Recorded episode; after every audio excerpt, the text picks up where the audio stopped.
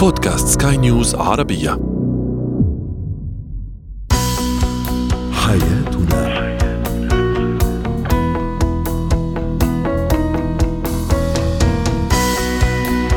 مستمعينا الكرام أهلا بكم إلى برنامج حياتنا برنامجكم اليومي الذي يعنى بشؤون الأسرة وباقي الشؤون الحياتية الأخرى والذي يمكنكم أيضا الاستماع إليه عبر منصة البودكاست سكاي نيوز عربية معي أنا طيبة حميد.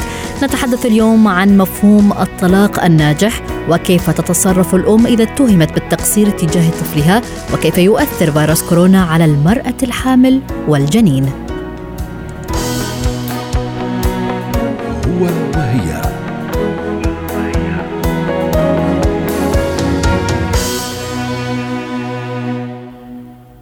مع وصول العلاقة إلى مرحلة لا عوده قد يكون الحل للبعض هو الطلاق وهذا الطريق قد يرافقه خلافات ومشاحنات بين الطرفين وغالبا ما يكون موضوع الأطفال غير متفق عليه. وقد يغيب عن البعض مفهوم الطلاق الهادئ أو ما يعرف بالطلاق الناجح للخروج بأقل الأضرار. في فقرة هو وهي حديثنا اليوم عن مفهوم الطلاق الناجح وتنضم لنا خبيرة العلاقات الزوجية والأسرية عزة زيان. أهلا بك أستاذة عزة. يعني في البداية هل هناك بالفعل ما يطلق عليه بالطلاق الناجح أم كل حالة طلاق يجب أن تمر بمرحلة من مراحل المشاحنات؟ أهلا وسهلا ومساء الخير. مساء النور. طيب تعالوا نبتدي نقول إن صحيح إن الطلاق نهاية لعلاقة زوجية مزعجة للطرفين. كان فيها مشاكل وخلافات وضغوط نفسية استحالت معاها العشرة وانتفت معاها الحياة المشتركة بين الزوجين. وأكيد أكيد طبعا إن الطلاق موضوع غير محبب لمعظم الناس ولكنه عشان بس نكون واقعيين مخرج أحيانا لحياة مستحيلة قد يدفع ثمن مرارة استمرارها الاطفال وطبعا الزوجين. جميل. خلينا نقول إنه آه طبعا ممكن يكون الطلاق ناجح ولكن خلينا برضو نتفق إنه الطلاق الناجح ده عبارة عن نتيجة لمقدمات وعوامل كتير. منها تعالوا بقى نعد ونقول أول حاجة الاقتناع المشترك الكامل من الطرفين إن الطلاق هو الحل الوحيد. تاني حاجة التفاهم على آليات التعامل بعد الطلاق. يعني الترتيبات والإجراءات وخصوصا بشأن الأطفال. يعني مين الطرف اللي هيكون حاضن للأولاد؟ وإمتى الطرف الثاني يقدر يشوفهم؟ مصاريف الأولاد والمعيشة والمدارس وغيرها. إزاي يساهم الطرف ال- الغير حاضن في التربية برغم البعد؟ علاقتهم كمان بأهل الطرف الثاني أشياء كتير جدا أساسية ولكن للأسف خلافية بين الزوجين. مهم قوي كمان عشان يعني برضو نكون واضحين آه، موضوع العيوب لأنه للأسف بنلاقي كتير من الزوجين يبتدوا يقولوا للآخرين سواء الأهل أو الأصحاب أو الجيران أو الزملاء مساوئ وعيوب الشريك. آه، مهم كمان نركز قوي على إن علاقتنا بأسر الطرف الآخر ما تكونش سيئة لأن ببساطة هنأثر على العلاقة مع الطرف الثاني بشكل مباشر وبالتالي كمان على الأولاد. في الحقيقة غلطة كتير من الزوجين بيقعوا فيها. وهي محاولة استقطاب الأولاد ناحية الطرف الحاضن آه، أو ناحية أسرته بالتدليل أو الصرف الكتير أو الكلمات والحنان. قد إيه ده طبعا بيكون له مردوده السلبي على الطرف الآخر وأكيد برضه طب- طبعا مردوده السلبي على الأطفال. ولكن بقدر عز يعني ماذا يحدث لو الطرفان لم يصلا لهذه الاتفاقات؟ بالفعل أو أحد الطرفين مثلا قاد موضوع الطلاق إلى المحاكم. آه إحنا كده وقعنا في مشكلة آه يعني الحقيقة يعني مشكلة إحنا بنلاقيها الحقيقة يعني. آه عايزة أقول انه آه لازم نحاول بقدر الامكان ننهي العلاقة الزوجية باحترام ودور الاهل عايزة بس اشير ليه لأنه دور الاهل مهم جدا في موضوع الوصول للمحاكم. آه لأنه بصراحة آه أحيانا الاهل بيكون لهم دور سلبي في تزايد المشاكل أصلا. أثناء العلاقة الزوجية. وبعد كده في مرحلة الانفصال. كل أسرة عايزة ابنها أو بنتها يطلعوا بأقل الخسائر على حساب الطرف الآخر. وبالتالي بتحصل مشاكل اللي بتوصلنا لحد المحاكم. وللأسف كل الأطراف بعد كده بتطلع خسرانة. خسرانة جهد ومال وصحة ونفسية. نرسي قاعدة التراضي قبل التقاضي. ومهم جدا كمان بهذا الخصوص آه، ننهي بهدوء وبتراضي ونكون مؤمنين إن إنهاء العلاقة الزوجية يعني وجود خسائر. محدش هيطلع من علاقة الطلاق كسبان كل حاجة وبالتبعية. من المفروض محدش برضو أو من المفروض إنه الطرفين برضو ما يطلعوش خسرانين كل شيء. التفاهم في الأمور المادية والتركيز على إنه لا ضرر ولا ضرار نخليه مبدأ نبني عليه اتفاقنا وقت الطلاق. ده شيء مهم جدا جدا جدا. عايزة بس أشير لنقطة مهمة كمان عشان آه نوصل لطلاق آه متحضر نبعد عن اللوم. كل واحد يبتدي يلوم الطرف الآخر. انت السبب؟ انت السبب في خراب البيت؟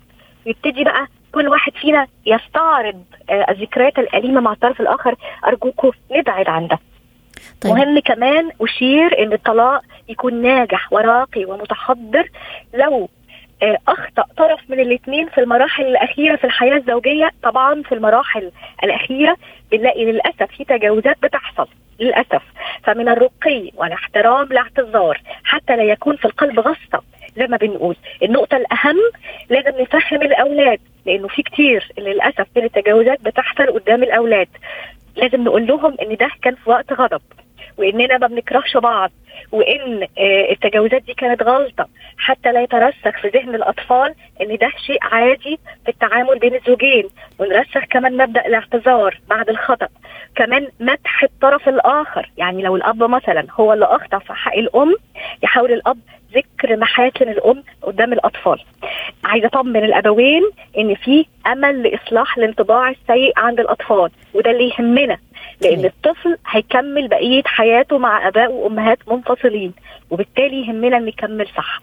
دعينا نعطي مثال يعني بسيط لكي نقرب الصورة أكثر للمستمعين. يعني في حال لو الزوجة أو أرادت الطلاق مثلا من الزوج وطلبت هذا الشيء ولكن الزوج بادر بالتعنت ورفض هذا الموضوع. كيف يكون التصرف السليم؟ هل التصرف السليم اللجوء للأهل أم إلى مختص؟ أم الحديث مع الزوج حول هذا الموضوع مثلا؟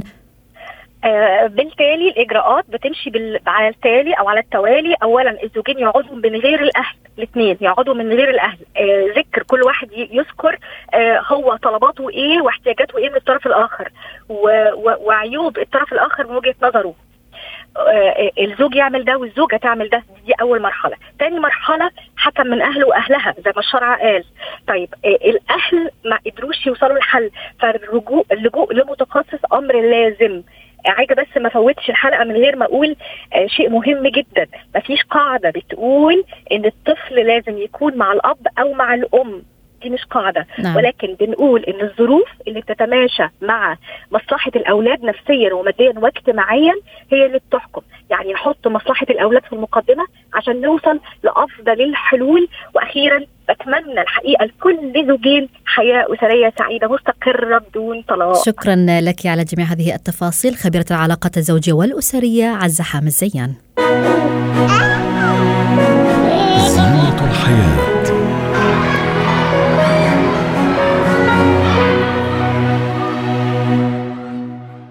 تسعى الأم دائما للوصول إلى أفضل النتائج فيما يخص طفلها فهي تبذل الجهد دائما من أجل أداء مهام الأمومة على أكمل وجه ثم يأتي اتهام عابر بالتقصير ليصيبها بالفعل بالإحباط ويشعرها بالخجل رغم ما تفعله من أجل هذا الطفل للحديث عن هذا الموضوع تنضم لنا الخبيرة التربوية الدكتورة بثينة عبد الرؤوف أهلا بك دكتورة بثينة يعني في البداية هل هناك بالفعل أمهات قد يقصرن بحق أطفالهن؟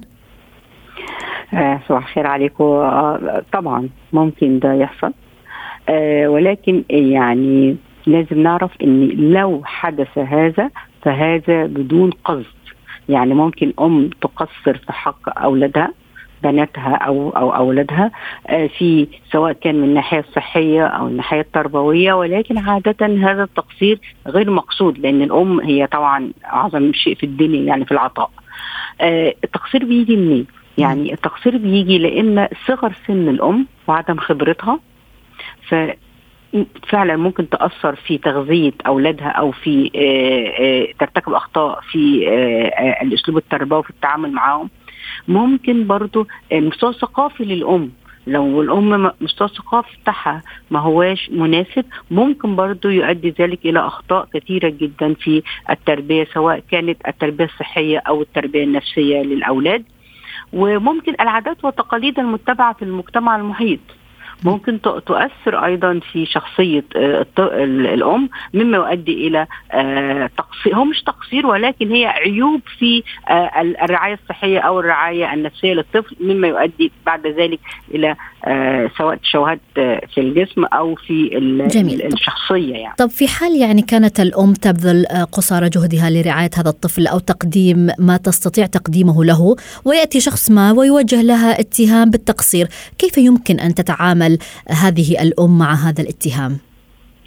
والله أنا شايفة إن الأم لازم يبقى عندها صبر وعندها سعة صدر. آه لأن اصلي الاتهام ده هيجي منين؟ مثلا ممكن يجي من الأب اللي هو مش موجود أصلا طول النهار في البيت فهو شايف الولد تعبان أو البنت بتعيط أو إلى آخره فممكن يجي آه، آه، اتهام بيبقى غير صحيح. بس ممكن فعلا الاتهام يبقى صحيح. يعني يبقى مثلا إن إن الأم بتسيب مثلا أولادها ياكلوا أي شيء آه، متاح بالنسبة لهم. يعني خاصة المواد المضرة. استسهالا إن أنا يعني مش بتستسهل إنها يعني تقعد تعمل طبخ مخصوص ليهم أو إنها آه، تعمل أكل مخصوص أو إنها تجري وراهم عشان ياخدوا كيس الحلويات منهم. ف وشايفة إن كل ولاد اتربوا على كده فاستسهال. فده ممكن يبقى فعلا آه، من حق أي حد يشوف حاجة زي كده بالذات لما يكون حد فاهم يوجه اللوم. فالمفروض إنها تقابل ده بصدر رحب. لأن في النهاية أنا يهمني مصلحة ولادي.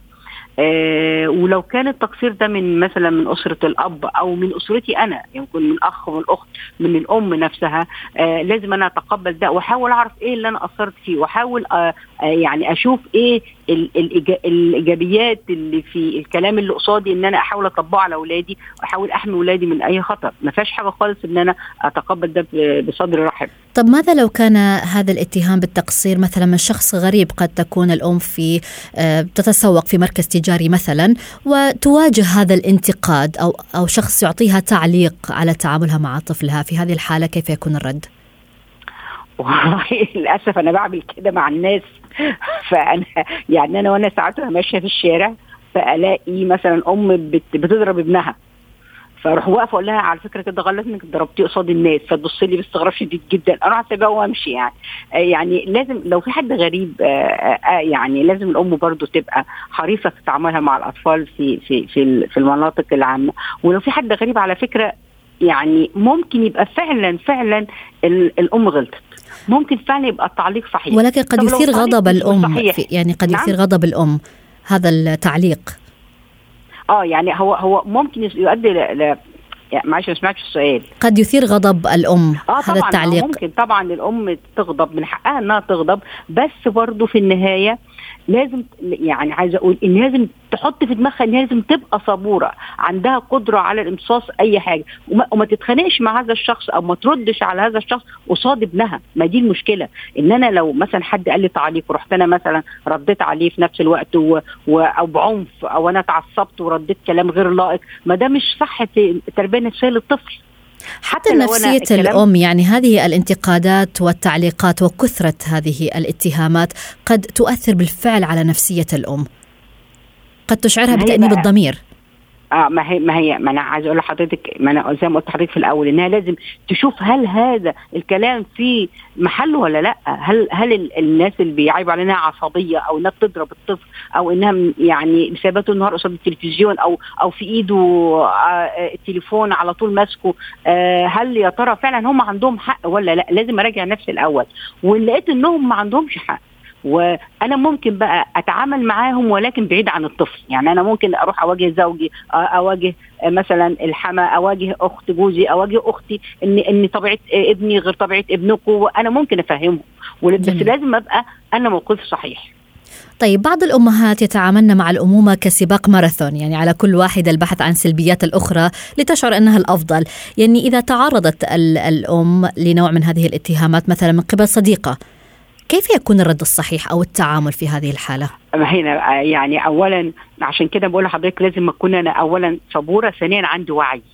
فاهمة كويس قوي أنا بعمل إيه. فلو أنا فاهمة وعندي وعي هقدر أرد الصعصعين زي ما بيقولوا لأي حد ينتقد أفعالي. لأن أنا فاهمه أنا بعمل إيه. حتى لو هي لو, لو هي صديقه يعني تقول لك ده أنا ما بخليش ابني مش عارفه يقرب من إيه ما بخرجوش بره ما باكلوش مش عارفه طب ما برضه غلط. ما الحرص الشديد خطأ والانفراج الشديد خطأ برضه.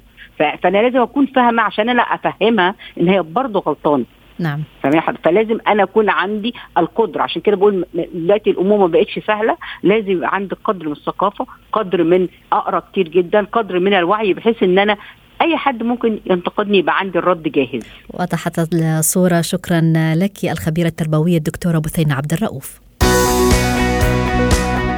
قضية رأي عام.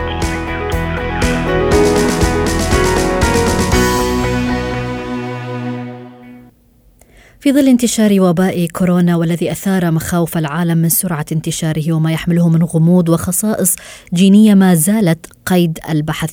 يمكن من هذه الفرضيات التي يعمل عليه العلماء مخاطر إصابة الأم الحامل بكورونا وتأثير هذا الفيروس بالتالي على الجنين. اذا هي التي تتعرض خلال فترة الحمل إلى ضعف تلقائي في المناعة ليتقبل الجسم الجنين. خاصة وأن البعض من الحوامل قد يشكون بالفعل من أعراض تشبه الإنفلونزا خلال الثلث الأخير من الحمل. للحديث عن وضع المرأة الحامل في ظل وجود فيروس كورونا ينضم آه، لنا اختصاصي الأمراض الجرثومية والمعدية الدكتور جلبير الحلو. أهلا بك دكتور جلبير. يعني الكثير من الأسئلة قد تطرحها المرأة الحامل في هذه الفترة الصعبة التي يشهدها العالم من انتشار لهذا الفيروس. خاصة أن جميع الشكوك لا تزال مطروحة على طاولة البحث. لكن دعنا في البداية يعني نتحدث عن الإجراءات الاحترازية الضرورية للوقاية من هذا الفيروس. في حال كانت المرأة حامل. يعني هل هي تختلف عن الإجراءات التي نتبعها نحن كأشخاص عاديين؟ أه صباح الخير. أه أهلا بك. هلا مثل ما تفضلتي بالمقدمة وذكرتي. أه الست الحامل أه نحن بنركز عليها بشكل خاص لأنه الست الحامل عم عم نحمي سنة مش مريض عم نحمي مريضين. عم نحمي الست الحامل وعم نحمي الجنين. يعني يعني هن شخصين بشخص إذا جاز الكلام وهي شغلة كثير مهمة من هيك الحوامل بيعتلوا هم لأنه نحن عم نحكي شخصين مش شخص. هيدي واحد. اثنين بما يختص بال آه، بالكورونا بالنساء الحوامل. مثل ما بتعرفوا يمكن بتكونوا حاكين فيها قبل لهلأ للوقت الحالي ما في دراسات كافيه أو أو مراجع طبية كافيه للحوامل بما يختص بالكورونا. إنما جوابا على سؤالك. نحن الأساليب الوقاية وحكينا فيهم قبل وغير من الزملاء حكوا فيهم قبل. طبعا لازم يتطبقوا على الست الحامل. لازم يتطبقوا بشكل جدي. يعني إذا ست حامل ببلد في انتشار كبير للكورونا بدها تلازم البيت تتجنب الاحتكاك. إذا مضطرة تظهر بدها تحط ال mask. بده يكون معها ال hand gel بنسميه أو ال alcohol based فيه نسبه كحول. كافي لتقدر تنظف بيها إذا ما شيء لأنه مش بس الكورونا أي التهاب عند ست حامل أي التهاب مش بس الكورونا عند ست حامل بيعرض الجنين للخطر إن كان الإنفلونزا مثل ما ذكرتي أو الكورونا أو غيره. طيب يعني ما هي المخاطر التي قد تتعرض لها الأم الحامل في حال بالفعل تعرضت الإصابة بهذا الفيروس؟ نحن بنخاف منه مثل الاشتراكات اللي بيعملها أي حدا تعرض لل... لل... للكورونا. نحن مثل ما بتعرفوا حكيين فيهم قبل نحن عندنا 70 ل 80% من الأشخاص اللي بيلقطوا كورونا بي... بيعملوا عوارض خفيفة. ما عندنا مشكل عندنا مشكل بالأشخاص بين تتفاوت بين الأعمار وبين البلدان. 5 ل 10% عم بيعملوا شيء بنسميه ARDS يعني عم ينضربوا الروايا عم بيعوزوا لا سمح الله. تنفس اصطناعي هون أكيد ما بدنا لا سمح الله تكون الست الحامل من هيدي من هيدي ال ال ال من هيدي العينة. هلا هي الشغلة اللي بتساعدها انه عمرها آه، آه، للست الحامل بيكون منه متقدم طبعا. والشغلة والشغلة الثانية اللي بتساعدها إنه هي بشكل عام حتى قبل الكورونا بتكون اخذي وقايه يعني ما بتاكل ني إلى آخره كل شيء بتمرقه على النار بتغسل زيها مضبوط الإرشادات بشكل دقيق وهون دور الصحافة طبعا بالتوعية ودور الطبيب النسائي بهالوضع يركز لها على الأمور كلها. جميل. يعني هل هناك مثلا أنظمة غذائية يجب أن تتبعها في هذه الفترة لتقوية المناعة؟ نحن اللي بنقوله بنقوله لكل للحوامل وغير حوامل بوباء مثل هذا وباء عالمي مثل ما مصنف وكان لازم يتصنف قبل هيدا موضوع ثاني لازم شخص يتجنب هلأ ال diet يتجنب حمايه حماية التغذية. ياكل يأكل مزبوط يعني هلا بهالوضع خصوصا لست حامل مش وقت إنه أنا هلا ما بدي آكل بروتين ما بدي آكل لحمة أو أنا هلا ما بدي آكل آه، دجاج أو هلا ما بدي آكل سمك أو هلا ما بدي آكل حبوب هلا مش وقت ال diet لأنه طبعا الجسم بس يكون عم بيفتله تغذية صحيحة بيكون محضر أكثر لا سمح الله إذا لقت مرض إنه يعيشه. طيب في حال تم تشخيص الأم الحامل بالإصابة بكورونا، كيف سيؤثر على الجنين؟ هل هناك من أبحاث مثلا تشير إلى خطر الإجهاض؟ لا هلا هون لهلا ما في عندنا أبحاث برجع بقول عن الحوامل ما في أبحاث لهلا بس أي التهاب بفترة الحمل طبعا بيزيد خطر الأجهاض. أي التهاب يعني في يكون التهاب طالع واصل على الكلاوي التهاب بالبول واصل على الكلاوي قوي. في يكون H 1 N 1 الإنفلونزا مع ARDS في يكون أي التهاب و...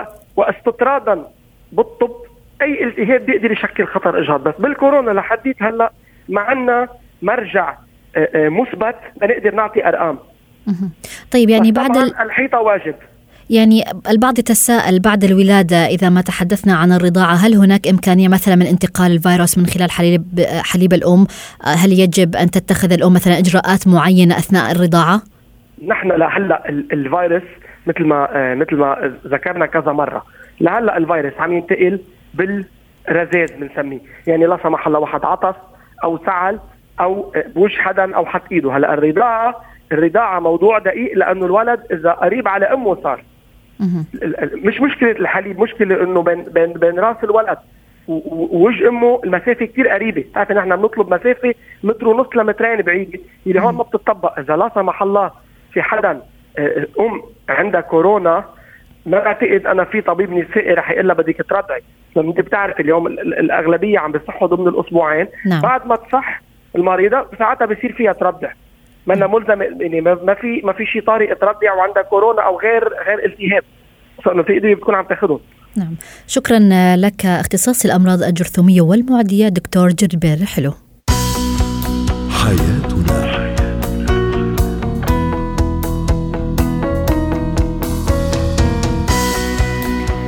نأتي معكم مستمعينا الكرام إلى نهاية برنامج حياتنا. كنت معكم أنا طيب حميد. إلى اللقاء. حياه